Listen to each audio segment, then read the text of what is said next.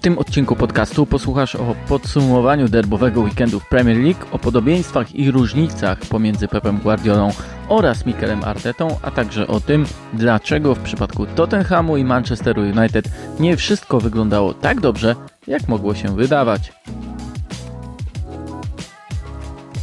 To podcast zachodny do tablicy, który możecie znaleźć na platformach Spotify, YouTube oraz Google, a mnie możecie oglądać tydzień w tydzień w Viaplay. Z takimi odcinkami mam problem, ponieważ przygotowując się do spotkań, analizując grę drużyn, zawodników, zawsze liczę na to, że zobaczą na boisku takie rozwiązania taktyczne, które będą oznaczały interesujące wnioski do nagrania. Jednak żadne z komentowanych w ten weekend spotkań nie było wygrane czy przegrane ze względów stricte taktycznych.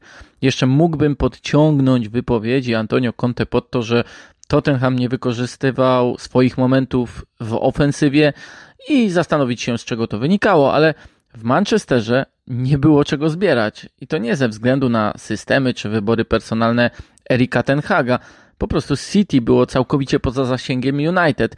Po spotkaniu pędziłem spod samego dachu, gdzie mieliśmy swoje stanowiska komentatorskie, e, na sam dół, by zrobić jeszcze rozmowę z Owenem Hargravesem, a więc doskonale Wam myślę, znanym zawodnikiem. Obok stał także Nigel de Jong, który jeszcze niedawno grał w Manchesterze City i tak chwilę rozmawialiśmy w trójkę, wszyscy będąc w szoku. E, zresztą piłkarze, byli piłkarze City, zgodnie stwierdzili, że sam wynik meczu schlebiał United, że z przebiegu spotkania bardziej adekwatny byłby 8-1 niż 6-3.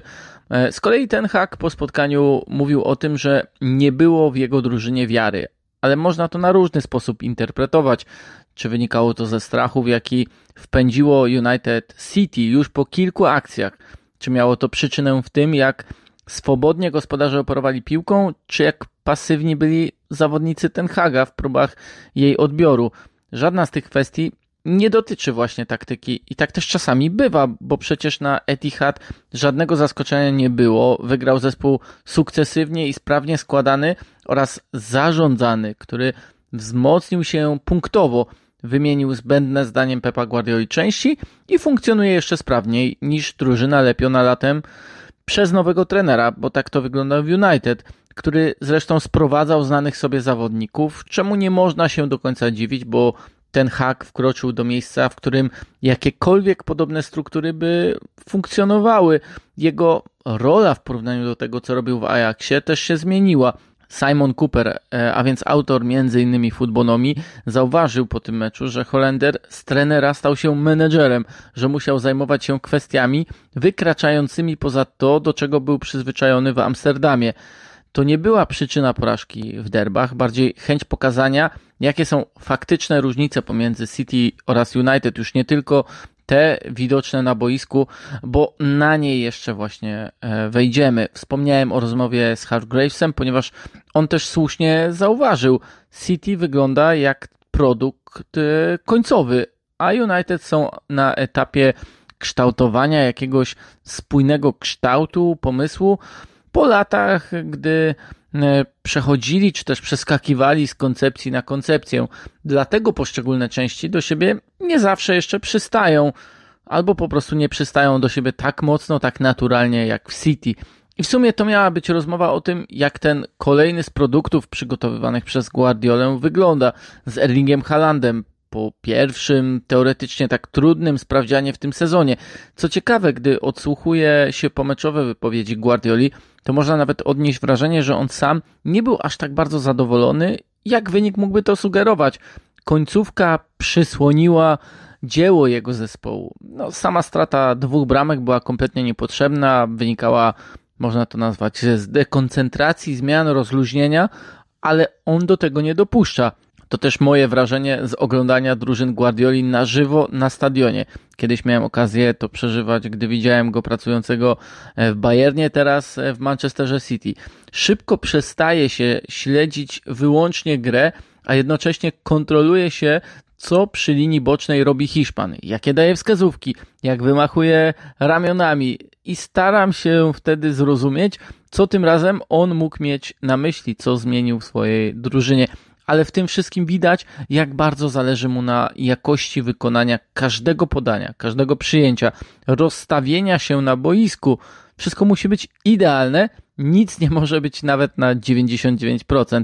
I jest to w pełni zrozumiałe, gdy właśnie wzrok przenosi się z Guardioli na boisko. Tam ma to po prostu sens. To, że Kevin De Bruyne w zasadzie nie spełnia już roli środkowego pomocnika, ani nawet ósemki, która najlepiej czuje się w półprzestrzeniach. To już jest taki zawodnik, który podwaja zadania skrzydłowego. Oczywiście, że jeszcze go widujemy bliżej osi środkowej boiska, ale najważniejsze w tym, jak wykorzystać Halanda, jest stworzenie przewagi w bocznej strefie. Tam ma kilkanaście procent kontaktów z piłką więcej niż miał w poprzednim sezonie. Zresztą nie tylko on. Wymienię De Bruyne, Fodena, Grealisha czy Bernardo Silvę, którzy doskonale wiedzą, że Norweg poradzi sobie będąc samemu na dwóch, na trzech rywali w polu karnym. Mówił jeszcze przed tym derbowym meczem Haland w wywiadzie z Garym Nevillem, że wystarczy, by w jego ruchach timing zgadzał się z zagraniami kolegów. Nie ma znaczenia, czy jest kryty indywidualnie, jak przy rzucie rożnym, czy chowa się za plecami, jak przy golu numer dwa, czy wokół jest pełno rywali, gdy kompletował hat-tricka. To wszystko, co wcześniej dzieje się w grze City jest istotniejsze. Dlatego jeszcze raz chcę podkreślić rolę Bernardo Silva oraz zwłaszcza De Bruyne. Belk zrobił sztukę z tej współpracy ze skrzydłowym. Przy tym, że rywale boją się zostawać jeden na jeden ze skrzydłowymi Guardioli, przy tym, że sytuacje nawet dwóch na dwóch, trzech na trzech w bocznych strefach są dla nich niebezpieczne, bo City po prostu potrafi z nich wychodzić.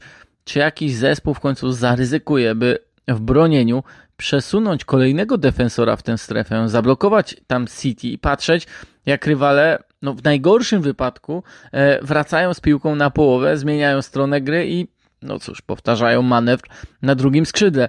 To musi kosztować mnóstwo sił, bo w tych doskokach trzeba energii, chęci odbioru, czego United nie pokazali kompletnie, ale też wymaga to zostawienia jednego zawodnika mniej w centralnej części boiska, gdzie jest oczywiście Erling Haaland, a obok niego może być zaraz też Foden czy inny z ofensywnych piłkarzy Guardioli.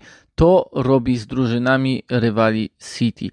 Wpycha ich w bardzo trudne decyzje, które muszą być podejmowane błyskawicznie, zanim tak naprawdę do danej sytuacji dojdzie. Jak już City wprowadzi piłkę tam, gdzie chce, to kończy się albo akcją ratunkową, blokiem na linii, albo błędem jednego z piłkarzy atakujących, bo te też przecież się zdarzają. Przykładowo, United nie potrafili zareagować swoim pressingiem na to, że rozpoczynając grę od bramki, City zostawia bardzo wysoko i szeroko rozstawioną trójkę ofensywną, która nie bierze udziału w akcji.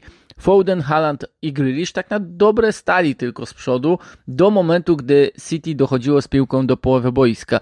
Wystarczyło, by przytrzymywali całą czwórkę defensywną United a goście nie decydowali się na ryzyko gry 1 na 1. Nikt nie wychodził wyżej pomagać pomocnikom i już była przewaga drużyny Guardioli. Wykorzystując Edersona, łatwo policzyć, że mieli tej przewagi ośmiu zawodników na tylko sześciu piłkarzy i ta przewaga stawała się coraz bardziej oczywista. Raz po raz stosowana i tylko kilka niedokładnych podań bramkarza City oznaczało, że nie przenieśli swoich akcji aż tak często i tak szybko pod bramkę rywala.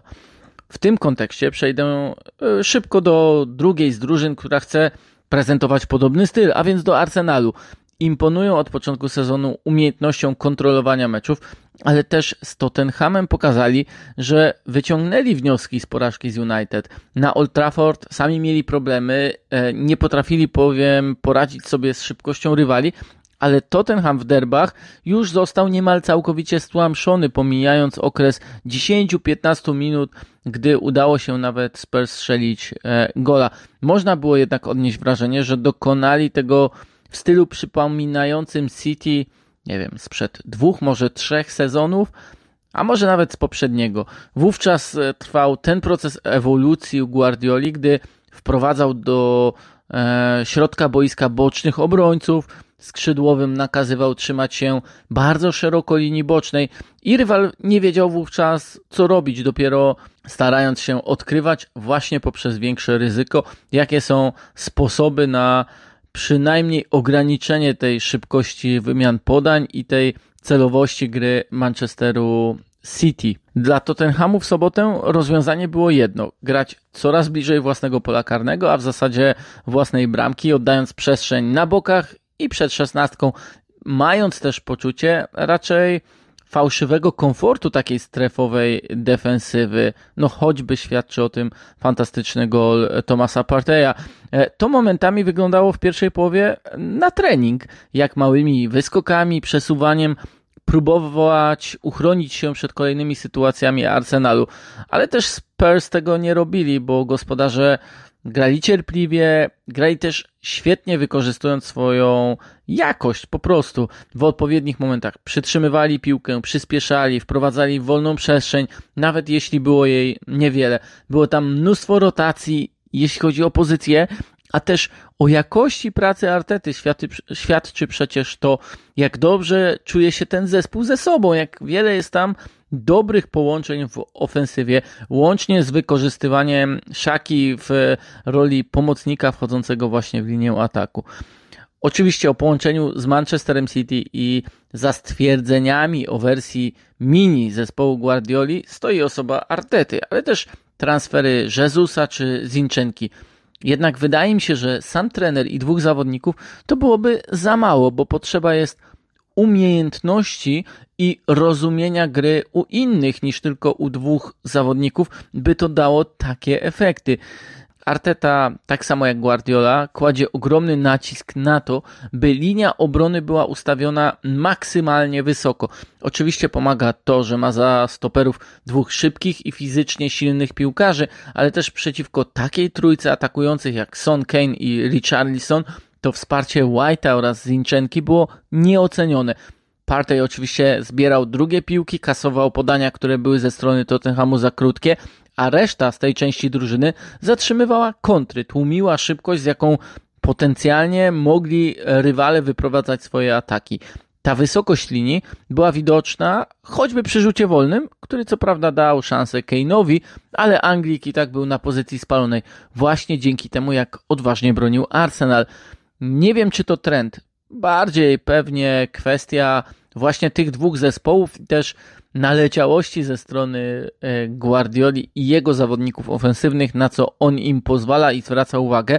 Jednak w grze City oraz Arsenalu dużą rolę odgrywają w atakach pozycyjnych momenty pauzy.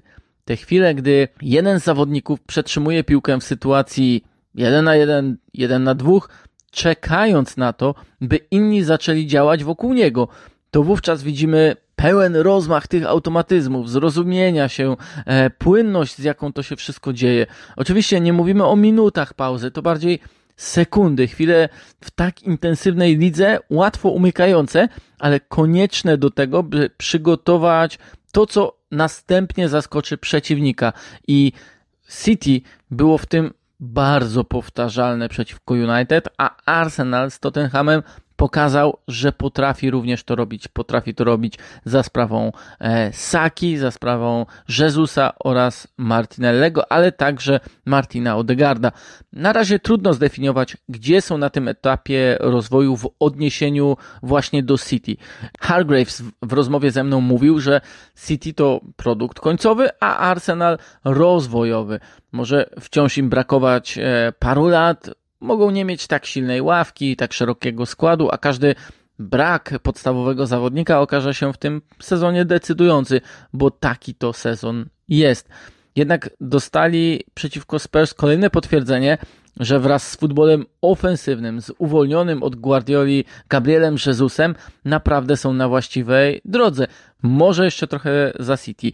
E, zresztą jeszcze tylko dodam odnośnie napastników, bo z nimi też można było w ostatnich tygodniach przeczytać wywiady. I o ile Jezus mówi, że uwolniony został u Mikela Artety, że może coraz częściej angażować się w rozegranie, przejmować piłkę znacznie wcześniej, wcześniej też uczestniczyć w grze i nie trzymać się tak sztywno jednej pozycji, tak Erling Haaland e, w rozmowie bodaj z Garym Nevillem zaznaczał, po co ma wychodzić do bocznych stref, tam zaliczać jakieś kontakty z piłką, po co ma się po tę piłkę cofać za każdym razem, gdy przeżywa kolejną minutę samotności wokół obrońców przeciwnika, gdy wie, że dla niego najważniejsze kontakty z piłką to są te w polu karnym.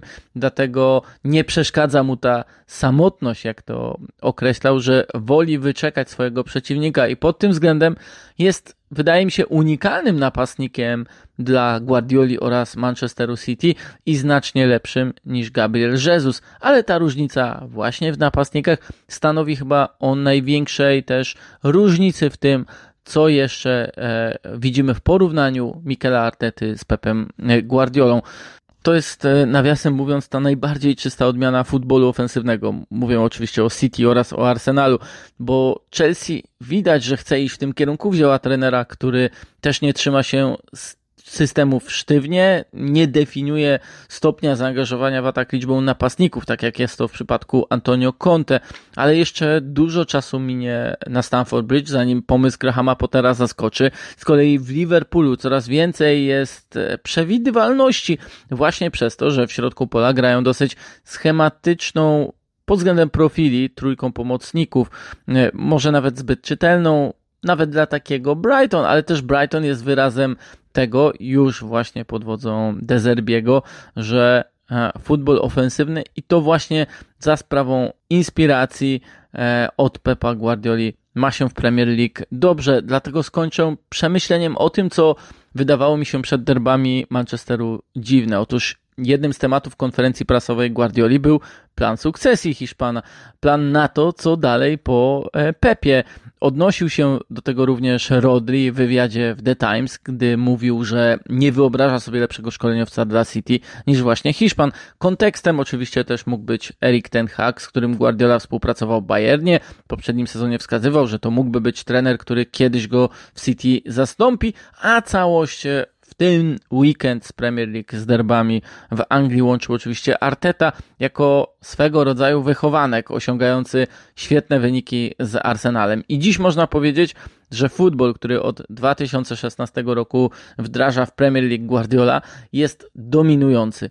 Zdobywa coraz większą siłę, nabiera rozmachu, podłącza kolejne zespoły, jak choćby wspomniane Brighton, staje się wręcz punktem wyjścia i odniesienia Ciężko będzie bardziej schematycznie atakującym ekipom nawiązać rywalizację z coraz liczniejszym gronem, który gra w ten właśnie sposób. A samej lidze, nawet jeśli Guardiola kiedyś skończy w niej pracę, oderwać się od tego, co kibicom poprzez City zaproponował. Guardiolizacja Premier League tylko przyspieszyła i nie wygląda na to, by na razie e, miało nastąpić e, zwolnienie.